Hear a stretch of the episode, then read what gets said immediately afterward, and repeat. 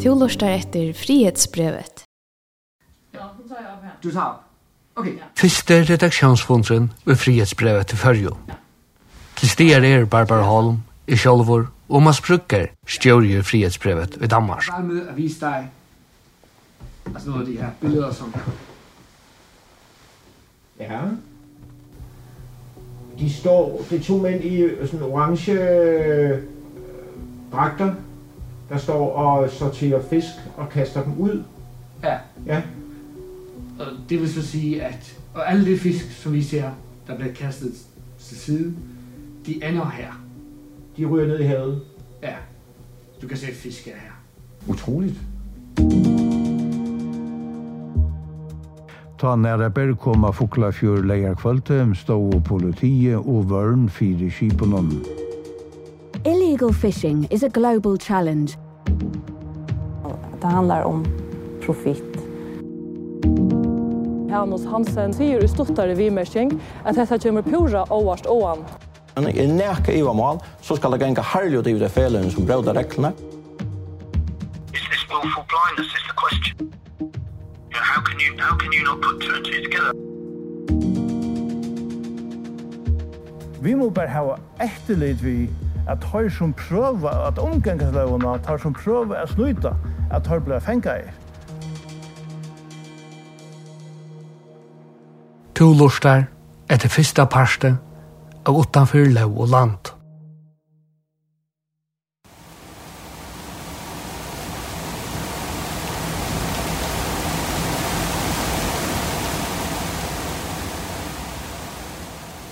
Så løs jo edda om bara næra berget fiskeskipen som kom til ferjer 2014 og som ble selt til Paulands i fjør. Vi møyre enn 120 meter til langt der, og 15 meter brøyer, var etter nekvar størsta fiskeskipet i fyrjo. Frihetsbrevet har finnst myndir fra flere personer som har vært ved nærarbeidje som viser virksomhet i ombord. Myndene er viser at nå hetta – Fiskeren var først vattor, vi noen risa større tråle, og så gjør han pumpa over ombord i tankar. Herfra var fiskeren pumpa av vujar til en møtekopavn, og så gjør han flottor til verksmina, etter flottningsbånden tjøkken og skiljara. Det er kanskje ikke så vanligt at det skiljeband skiljer fisk i støtter. Men av næra berget kunne ein øyn parser av flottningsbanden flytast.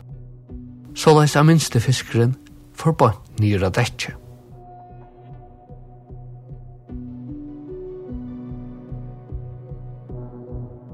Den fiskeren som ikkje forbønt nyra dekje, forsøgjene framvigende parsti av flottningsmannen, her var en parsti av manningene, tvår trutjumanns, høttle oppgave at eklaja, og tekka av seg fiskar av flottningsmannen og blekador nyra dekje.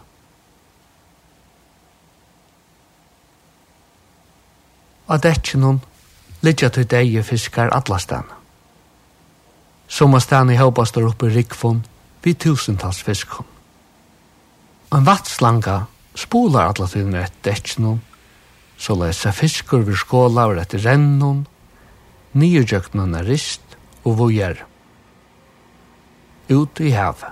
Og de fisk, de har sorteret fra, eller ja. smidt ud, hvad, hvad er det for nogle fisk? Ved man det?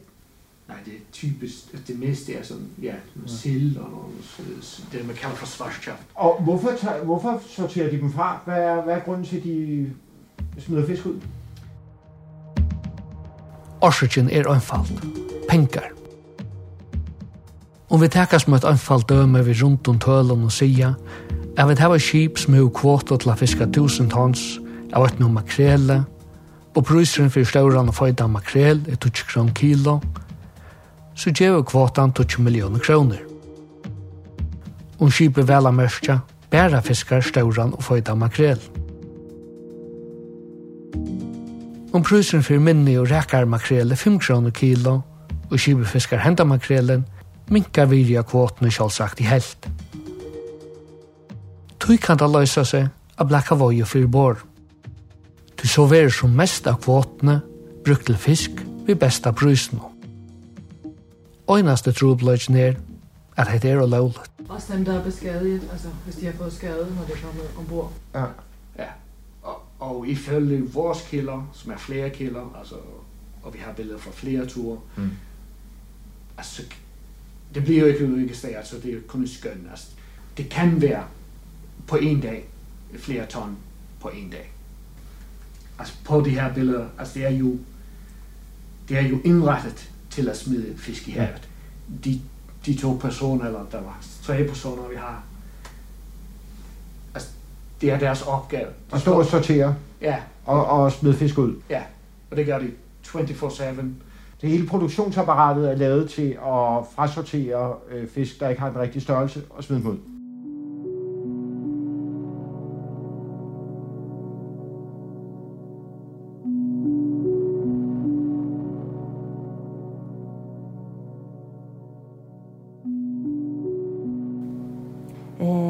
Jeg, jeg husker til at aller flest folk husker om utlæring som, som nægge skarft.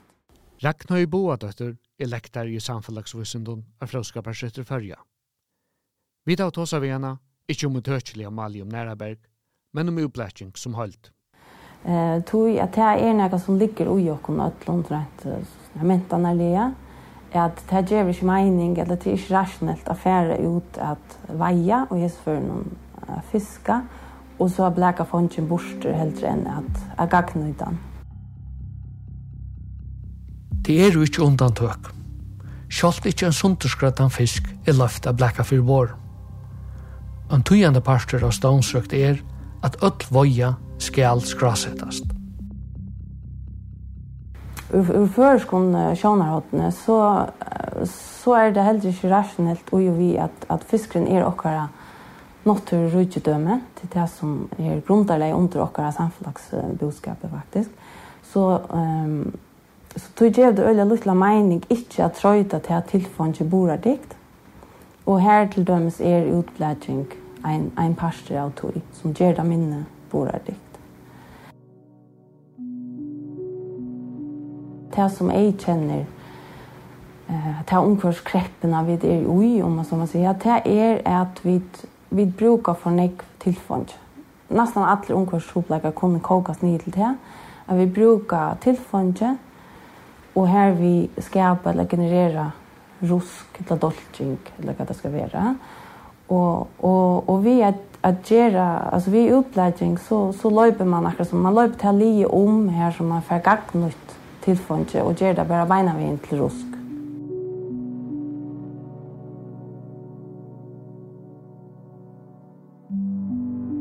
Den største avbjørnsen i heimen ganske til er vi en veksande heimspopulasjon, vi veksende folketallet, så er den store avbjørnsen at, at, at få framlagt nok av mæte samståndet som vi minka om tilfunnet nuslene. Mm Og her vi ver det bare opp at mer tutninga mykje er at vi gagnuta at alt her tilfunnet som vi som vi brukar som som man kan säga som naturen framlägger och som vi brukar ta in i våra budskap.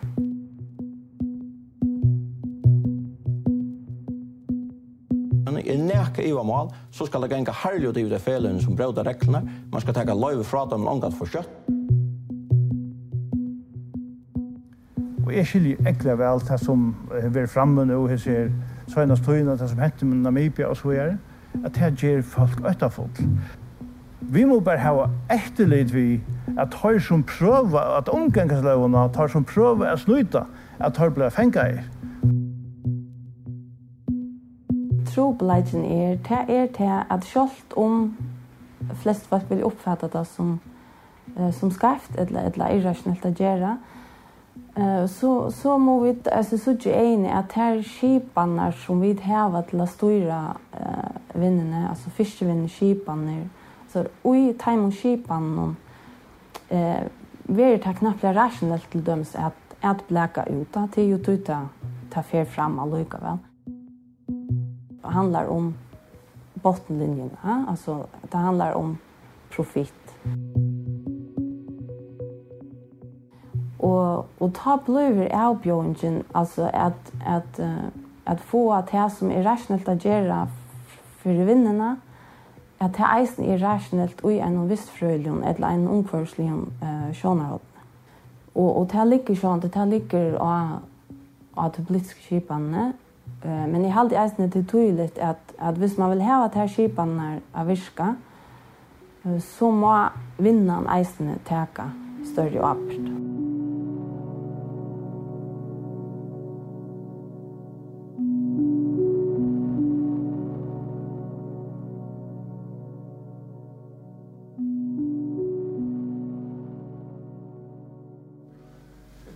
Hvem ejer den båd? Øh, der er to ejere på, på båden. Det er formanden for Redernes Forening øh, og den hollandske konsul på færgerne, Hermes Hansen, som ejer det. Og så en tredjedel af selskabet er så et, sådan et mega hollandsk koncern, som hedder PP. Kæmpe, kæmpe koncern. Så formanden for Redernes Forening og den hollandske konsul? Ja, en og samme person. Det er den samme person? Jeg er i stand nå utenfor JFK og Kausen i Klagsvøk. Utenfor i oppgiver horene honker et uh, størst hollengst kjaldramørkje, så viser at det her er røsene et hollandska konsulat i fyrju. Rundt alle Klagsvøkene litja fløy skip og bater som Hans Hansen, JFK og PPOI. Samtidig nylig til vørn i år, fra februar i år, så øye pepi i øyne tjo førsk og fiskeskipen. Hette er så snatt han øyeren som øyer i flest førsk og fiskeskipen. Teiva skipene som partafella i Næraberg rekker nu, borgaren og norringur. Teilidja tog ikke her, til tei landa vanliga til PP Ferropelagic i Kotlafer. Og formanden for Rederiforeningen og den hollandske konsul. fortell mere om ham. Store vinnelufsmauren i Klaksvik, Hannes Hansen, er en litrugur personer, og han er menkan per søyen, då han uttalar seg allmänt om omsorg. Landsursmauren for politikk vi Kjøkken Kuntjerna, han vil så øyla gjerna heva at ære skulle slippe opp i Barentshavet. Ja, så hvad skal man sige, altså han er, altså, han er en stor mand, altså en høj mand, altså han føler meget fysisk, men han føler også meget socialt, eller sådan, han er en meget social type, eller sådan en sådan, alltså han er absolut inte genert. Alltså han er meget aktiv i det lokale område især. Alltså især i lokale område, hvor, hvor han er meget populær. Øh, støtter mig, giver penge til sådan fodboldsklubben og så videre. Byens stormand. Ja.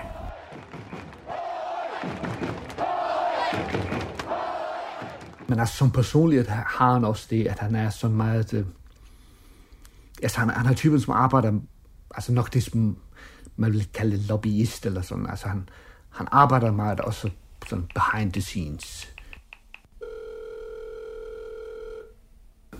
Jeg kan nævne et eksempel.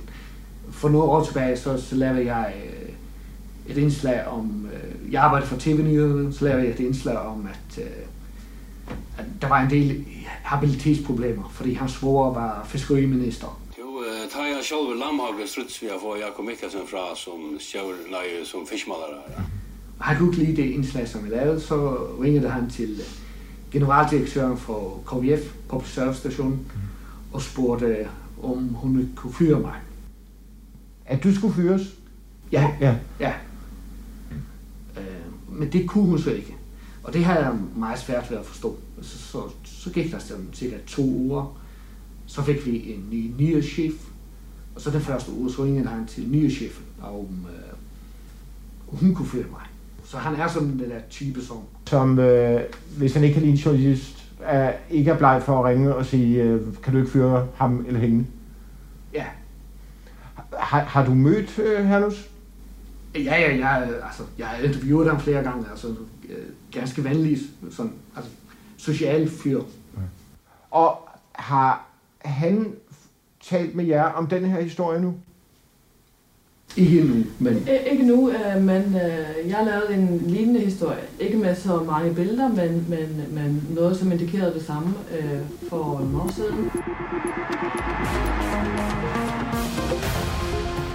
Dultar upptøkker fra ombord av Næraberge viser utblætsing av fiske for en er vik og søgjene. Samvart loven om sjåfange er dette og lovløs. Det er i hvert fall at det kom meget bag på ham, at det var på den her måten.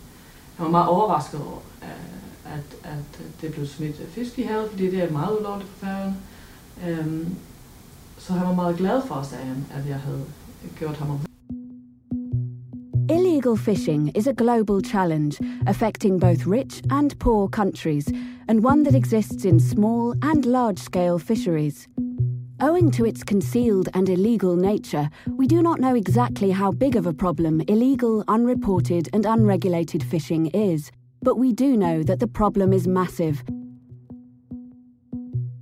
Organized crime does exist within the global marine fishery industry. Ta vi tosa om fiskeskap og fiskevinne, ta er det følger og i mån til okkara stødd er vi er vi stor kunne vi säga. Vi tar en öliga stora haltarvej per, eh, per capita, altså per kvann uibygva. Eh, og, og den globala haltarvägen ligger stabilt om en 50 millioner tons eller gott til. Eh och och här eier føringar om leit 12% ganska så så immun til okkara folkatal er er til øljan och det mest sjön jag vet eja. Det så vi teka en också stor en past av de globala køkene som er tog för öll folk i heimene. Och ta, ta åt vi ganska tid större och apert eisene.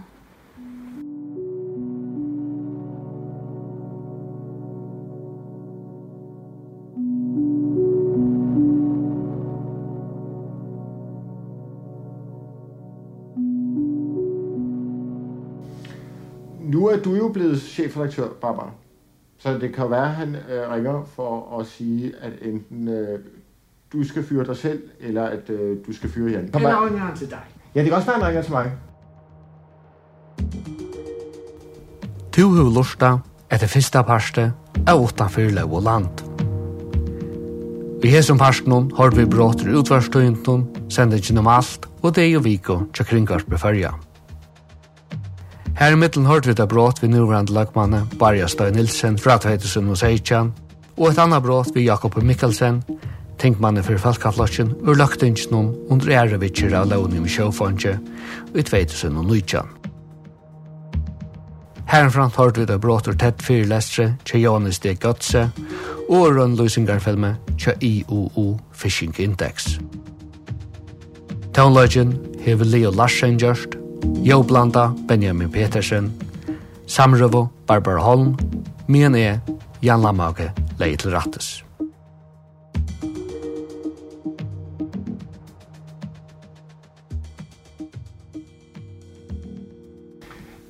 Nogen, tænker jeg, som I helt oplagt også skal tale med, er selvfølgelig øh, politiet. Ja. Det gjør vi i ørenparste, av utanför lov og land. Av frihetsbrevet.fo kan stå eisen lesa av grøyen vi nøkna mynden som vera omrøttar ui som parsten.